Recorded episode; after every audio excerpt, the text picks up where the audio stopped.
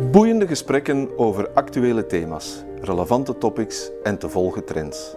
Welkom op de Vlaio podcast waar ondernemers en hun netwerk een stem krijgen, hun plannen vorm en hun ambities een klankbord.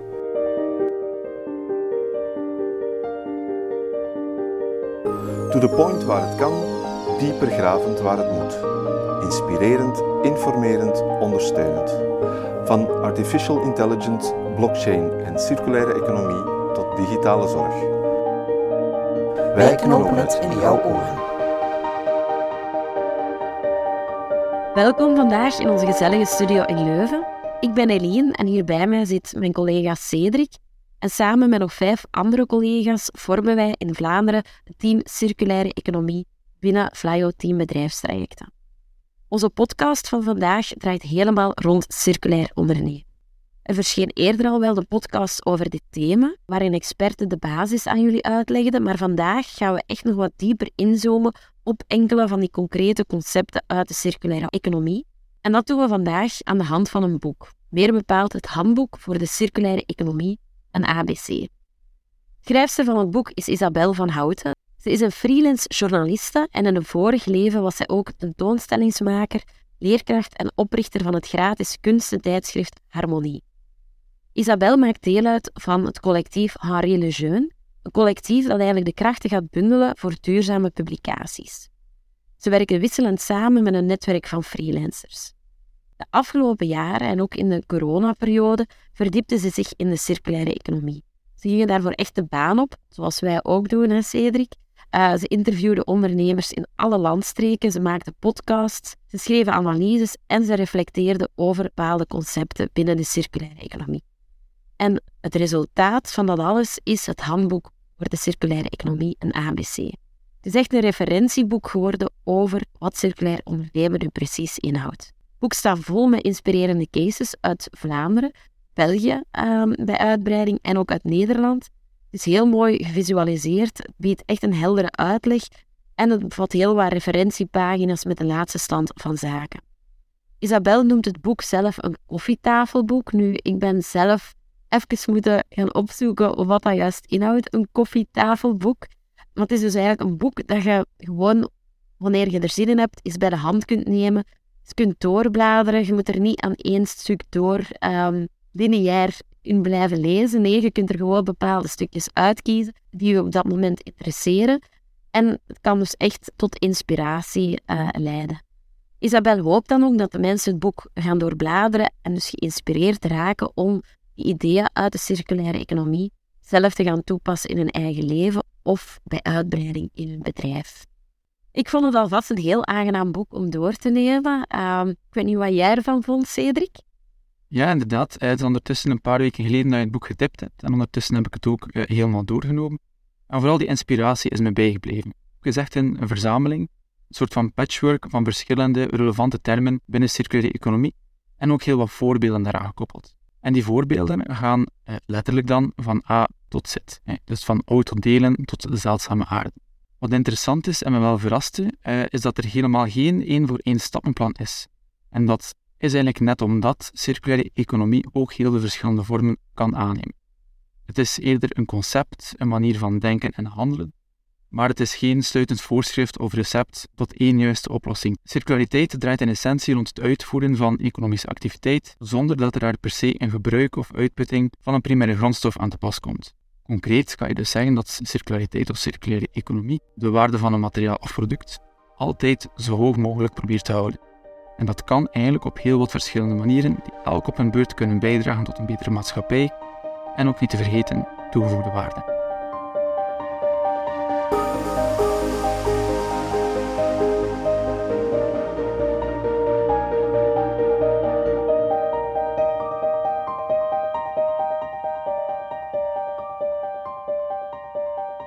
Vandaag zouden we graag eigenlijk wat duidelijkheid brengen in die lettersoep, want voor veel ondernemers is circulariteit nog altijd een abstract concept.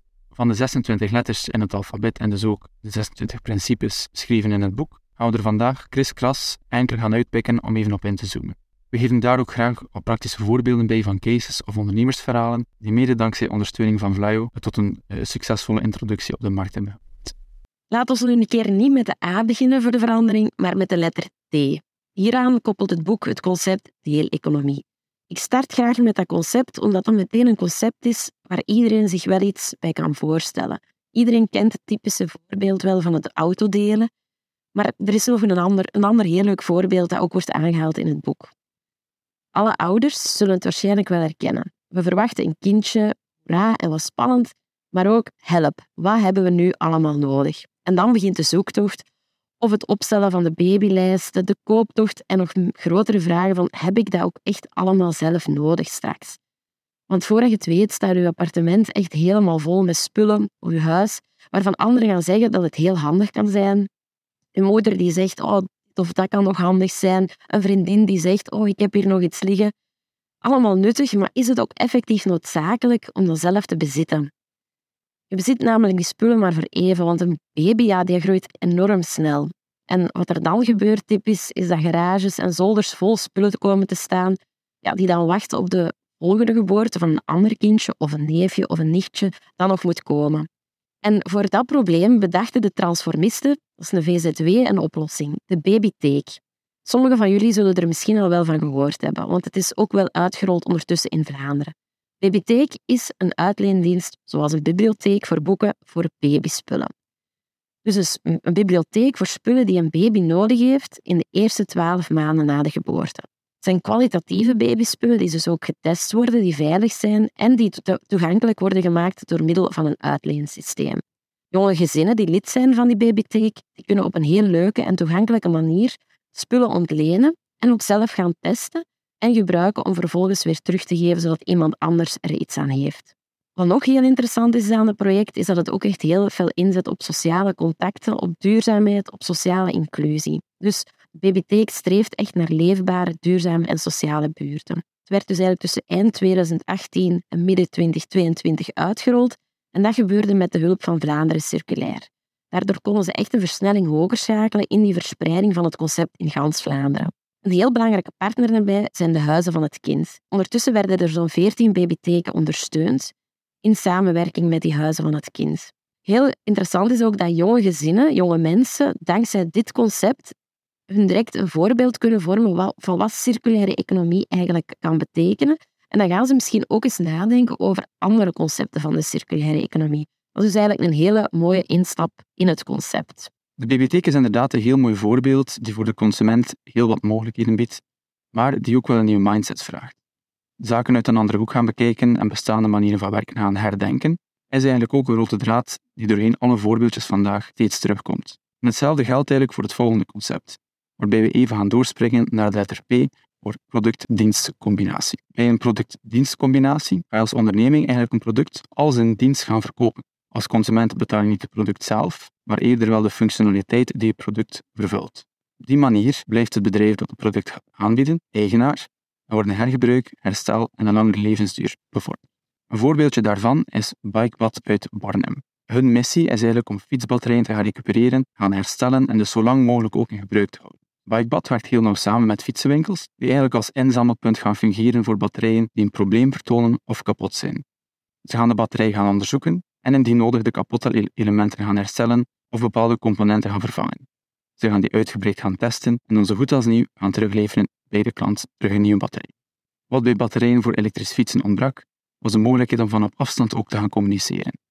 Dat bleek een gat in de markt. De software die ze daarvoor zelf ontwikkelden, zorgde er eigenlijk voor dat een diagnose kan gesteld worden van op afstand wanneer die batterij dus mindere prestaties gaat vertonen. Als verbruiker zijnde kan je dit helemaal zelf digitaal gaan opvolgen en hoef je dus niet voor elk probleem terug naar de fietswinkel en ben je dus ook je batterij en je fiets geen dagen kwijt voor verder onderzoek. Van batterijen herstellen en upgraden was volgens Bikebot een logische stap om ook zelf eigen batterijen te gaan produceren. Daarvoor startte Bikebot een ontwikkelingsproject met de steun van Vlaio. Dankzij die injectie van Vlaio konden ze twee extra ingenieurs gaan aannemen die wel een stroomversnelling teweegbracht in hun innovatieproces. Als onderneming zit circulariteit volledig in de kern van de activiteiten van Bikebot en dat levert naar eigen zeggen nog een verrassend, maar wel belangrijk voordeel op. En dat is eigenlijk namelijk in de arbeidsmarkt. Ze merken dat bij nieuwe generatie medewerkers duurzaamheid en circulariteit heel belangrijke factoren zijn die wel degelijk een invloed gaan spelen op de jobkeuze.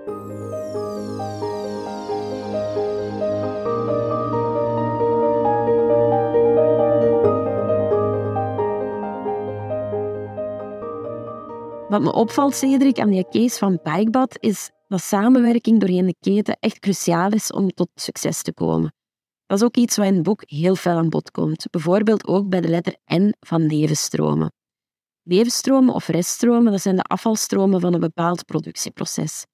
Nu, in een ideale wereld worden die levenstromen helemaal vermeden door productieprocessen slim te gaan aanpakken. Maar in de praktijk is dat toch vaak moeilijker. Um, helemaal vermijden ja, is bijna onmogelijk. Daarom tracht men in die circulaire economie om die levensstromen zo hoog mogelijk te gaan valoriseren. En dat is door middel van samenwerking waar een win-win te vinden is voor elke speler. Als een bedrijf dus met een levenstroom van een ander bedrijf aan de slag kan gaan, dan wordt dat ook aangeduid als een chic woord voor een win-win, een symbiose. Hoe groter en constanter de volumes, hoe makkelijker die levenstromen ook ingezet kunnen worden. Mooi voorbeeldje weer uit de praktijk van zo'n symbiose is de case van Redo Papers. Zij gebruiken de levenstromen van drukkerijen als grondstof voor nieuwe producten. Het zijn Tille Lingier en Linde Luiten die ermee aan de slag gingen. Ze werken als grafisch ontwerpers en op die manier werken ze dan ook geregeld samen met drukkerijen. Ja, en het was eigenlijk mijn leden ogen dat ze toezagen hoeveel papierresten dat er dagelijks in de papierwand belanden. En zij merkte eigenlijk die schoonheid in die nevenstromen op en besloten ermee aan de slag te gaan. Op die manier redden ze papierafval en ze maken papierwaren, denk aan planners, schriftjes, die voor 100% uit die nevenstromen zijn gemaakt. Een bloknoot bijvoorbeeld, die een uh, resultaat is van samenraapsel van ongelooflijk veel verschillende soorten papier, die op allerlei momenten in het productieproces van de drukkerij gered kan worden. Heel mooi concept. Nu, om dat mogelijk te maken, ja, was een samenwerking met een drukkerij natuurlijk de eerste stap. En daarvoor werkten ze samen met de drukkerij Zwart op Wit. Zwart op Wit geeft dan een slim softwaresysteem dat meerdere opdrachten gaat clusteren en dat er eigenlijk voor gaat zorgen dat er een optimale puzzel gelegd wordt op één groot vel, zodat er eigenlijk al zo weinig mogelijk ja, nevenstromen gaan geproduceerd worden. Voor de nevenstromen die ze dan toch nog hebben, werken ze dus samen met Tille en Melinda, die dan die nevenstromen verder gaan uh, ontwerpen tot nieuwe producten. Ze werken ook samen met cultuurhuizen en zo gaan ze bijvoorbeeld posters, banners en affiches, die normaal ook in de papiermand belanden, ook weer gaan herbestemmen tot nieuwe hoezenvoorschriften bijvoorbeeld. Nu, extra uitdaging en cruciaal voor het uitbouwen van zo'n circulaire economie is dus het bouwen aan waardeketens. Het vinden van goede partners, bouwen van vooral duurzame samenwerking die ook in de toekomst blijven bestaan dat is echt cruciaal in zo'n circulair businessmodel. En dat vergt ook heel veel tijd. Voor zo'n circulair businessmodel te gaan vormgeven, ja, heb je gewoon een langer voortraject nodig dan voor een lineair uh, businessmodel dat vandaag de dag vooral gekend is. Je moet die contacten gaan uitbouwen, de juiste partners gaan vinden, goede contracten gaan opstellen ook. En ja, je, moet er zeker van zijn dat je reststromen ook constant en vooral van goede kwaliteit gaan zijn. Je bent dus heel afhankelijk van je partners en je hebt er dus ook genoeg nodig. Nog een leuk weetje bij deze case is samenwerking met andere sectoren. Op een bepaald moment botsten ze zo op het circulaire garen van Honest Jeans. Via Vlaanderen Circulair zijn ze in contact gekomen met die producent van dit garen en nu gebruiken ze dat dus om hun notebook hoezen aan elkaar te stikken. Toch ook weer een mooi voorbeeld van zo'n symbiose. Als volgende stap nu, willen ze nu gaan bekijken of ze ook in het buitenland zo'n korte ketens kunnen gaan opzetten met lokale drukkerijen en daarvoor hebben ze beroep gedaan op de KMO-groeisubsidie. Over de concepten korte keten kan je trouwens meer info uh, vinden in het boek onder de letter K natuurlijk en over lokaal onder de letter L.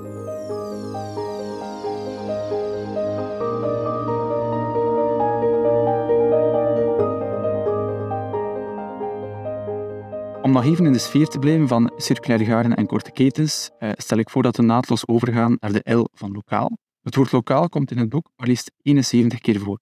En het is een van de belangrijkste dynamieken in de circulaire economie in het algemeen. Meer lokale gemeenschappen zorgen voor sterke gemeenschappen die ook tegen een stootje kunnen. Recentelijk zijn er natuurlijk heel wat stootjes of zeg maar stoten geweest, maar daarbij een enquête van Vlaanderen Circulair en Vito uit 2020 ook iets opmerkelijks had geconcludeerd. De conclusie daar was dat ondernemingen die inzetten op circulaire economie en dus lokale ketens, dat die significant meer crisisbestendig zijn. Materialen en middelen blijven in de gemeenschap en vaak is er dan ook meer zekerheid van bevoorrading. Iets wat tijdens de coronacrisis voor veel bedrijven met een stevige beproeving bleek.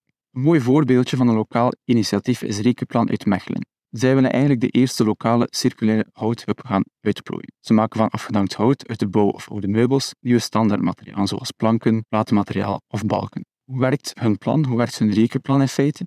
Het hout komt vooral uit de overschotten en restfracties van verschillende regionale bouw- en interieurbedrijven, maar er is ook instroom uit bijvoorbeeld de kringloopwinkel om de hoek, waar we dan spreken over meubels die niet verkocht raken. Dit hout komt binnen bij Rekenplan in alle maten en vormen en kwaliteiten en wordt dan later verwerkt in samenwerking met het maatwerkbedrijf. Als er dan bijvoorbeeld vraag is naar materialen met specifieke afmeting, voor bijvoorbeeld binnenhuisafwerking, of je wil als doe-het-zelf een meubel gaan maken, dan is Rekenplan vaak een goede oplossing. De oplossing is dan voordelig en kwalitatief, aangezien de standaardmaterialen vaak in een handige formaat beschikbaar zijn dan meestal het geval in de klassieke doe-het-zelfzaak.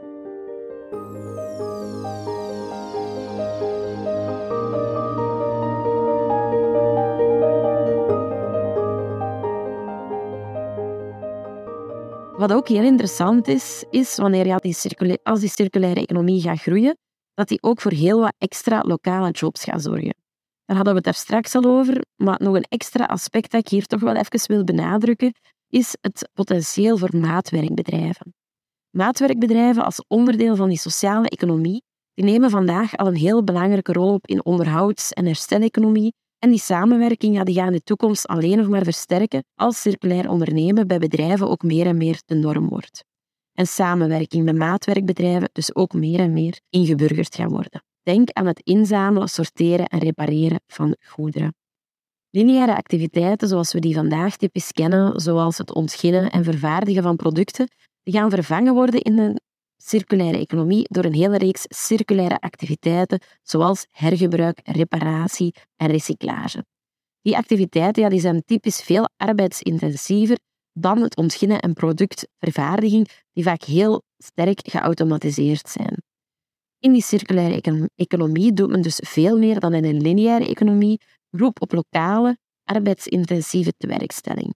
Waar vroeger afvalstromen, denk zoals plastics en gemengde fracties van papier en karton, verscheept werden naar ontwikkelingslanden om daar verwerkt te worden, worden ze nu lokaal verwerkt omdat export niet meer toegelaten of gewoon te duur is.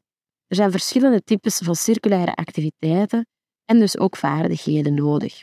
Eerst en vooral is er de inzameling van het materiaal. Inzameling als typische activiteit die lokaal gaat gebeuren, omdat materiaal natuurlijk alleen ter plekke ingezameld gaat kunnen worden en dat vereist manuele arbeid, omdat die voorlopig nog niet geautomatiseerd kan worden. Volgende stap in die keten is dan het uitsorteren van verschillende productstromen. Sorteren kan momenteel maar moeilijk vervangen worden door machines. Verder moeten er ook afvalstromen gesorteerd worden vooraleer die verder verwerkt kunnen worden.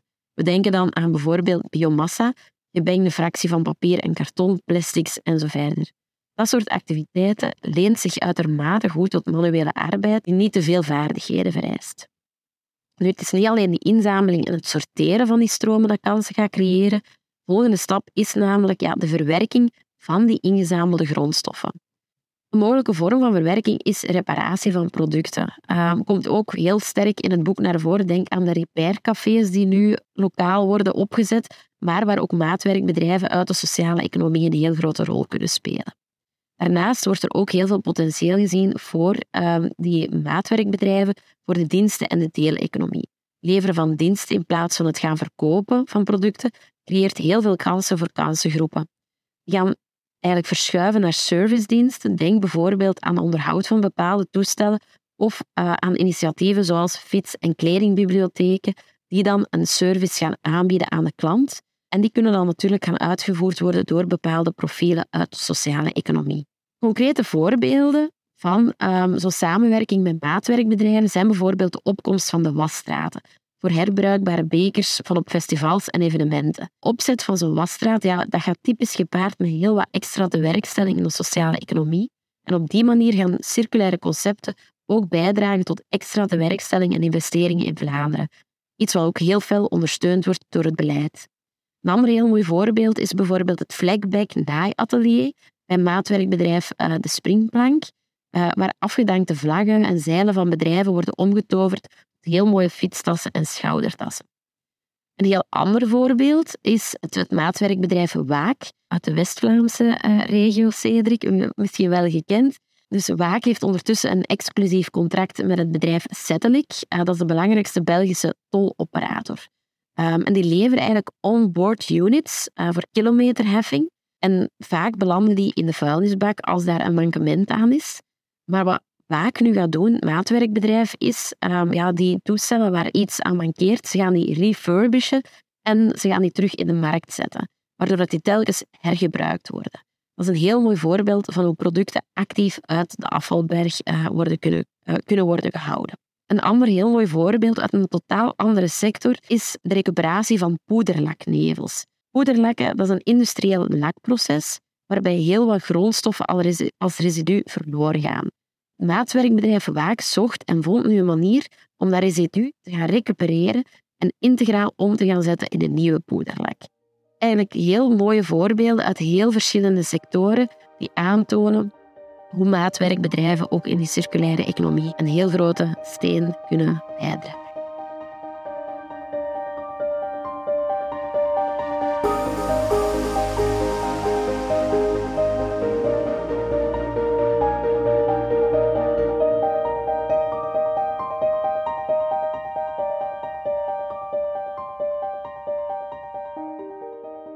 Als laatste voorbeeldje gaan we naar de X, maar woorden met een X zijn altijd moeilijk te vinden, dus de auteur heeft daar een creatieve oplossing voor gevonden. En de X staat in dit geval voor een soort van stopteken. X staat voor het weigeren van consumptie of materialengebruik, ook wel vaak refuse genoemd. Materialen gewoon niet gaan gebruiken, of tenminste niet nodeloos gaan gebruiken, onder het motto dat beter voorkomen is dan genezen. Als je materialen gewoon niet gebruikt of niet nodig hebt, ga je natuurlijk de minste impact gaan genereren dan moet je de materialen ook niet gaan hergebruiken of gaan recycleren. Veel start eigenlijk al bij het ontwerpen van het product. Slimme keuzes in productieprocessen, recycleerbaarheid, het product in verschillende modules gaan ontwerpen om makkelijker te kunnen herstellen enzovoort. Het zijn allemaal voorbeelden van eco-design-methodes die kunnen helpen om de materiaalimpact te gaan verminderen. Op zich zouden we eigenlijk een hele podcastreeks kunnen maken over de verschillende principes van ecodesign, maar dat is misschien voor de volgende keer. Het voorbeeldje dat ik graag zou meegeven is een leuke, maar er opnieuw een bestaand en gekende manier van werken compleet over een andere boeg gegooid. Browse is een onderneming die uh, geconcentreerde wasstrips, uh, dus om de was mee te doen thuis, die dat ontwikkelde. Ze ontwikkelden daarnaast ook een badkamerreiniger, glasreiniger en allesreiniger in een soort poedervorm in een hervulbare fles.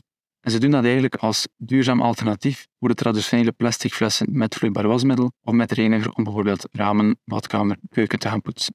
De flessen met wasmiddel zijn eigenlijk voor meer dan 95% gevuld met water. We openen die aan in de winkel, we vervoeren die naar huis, we gebruiken thuis het wasmiddel en dan eens de fles op is, wordt ze gewoon weggegooid bij plastic afval. Eenmalig gebruik dus. Brouws heeft dat principe volledig omgegooid.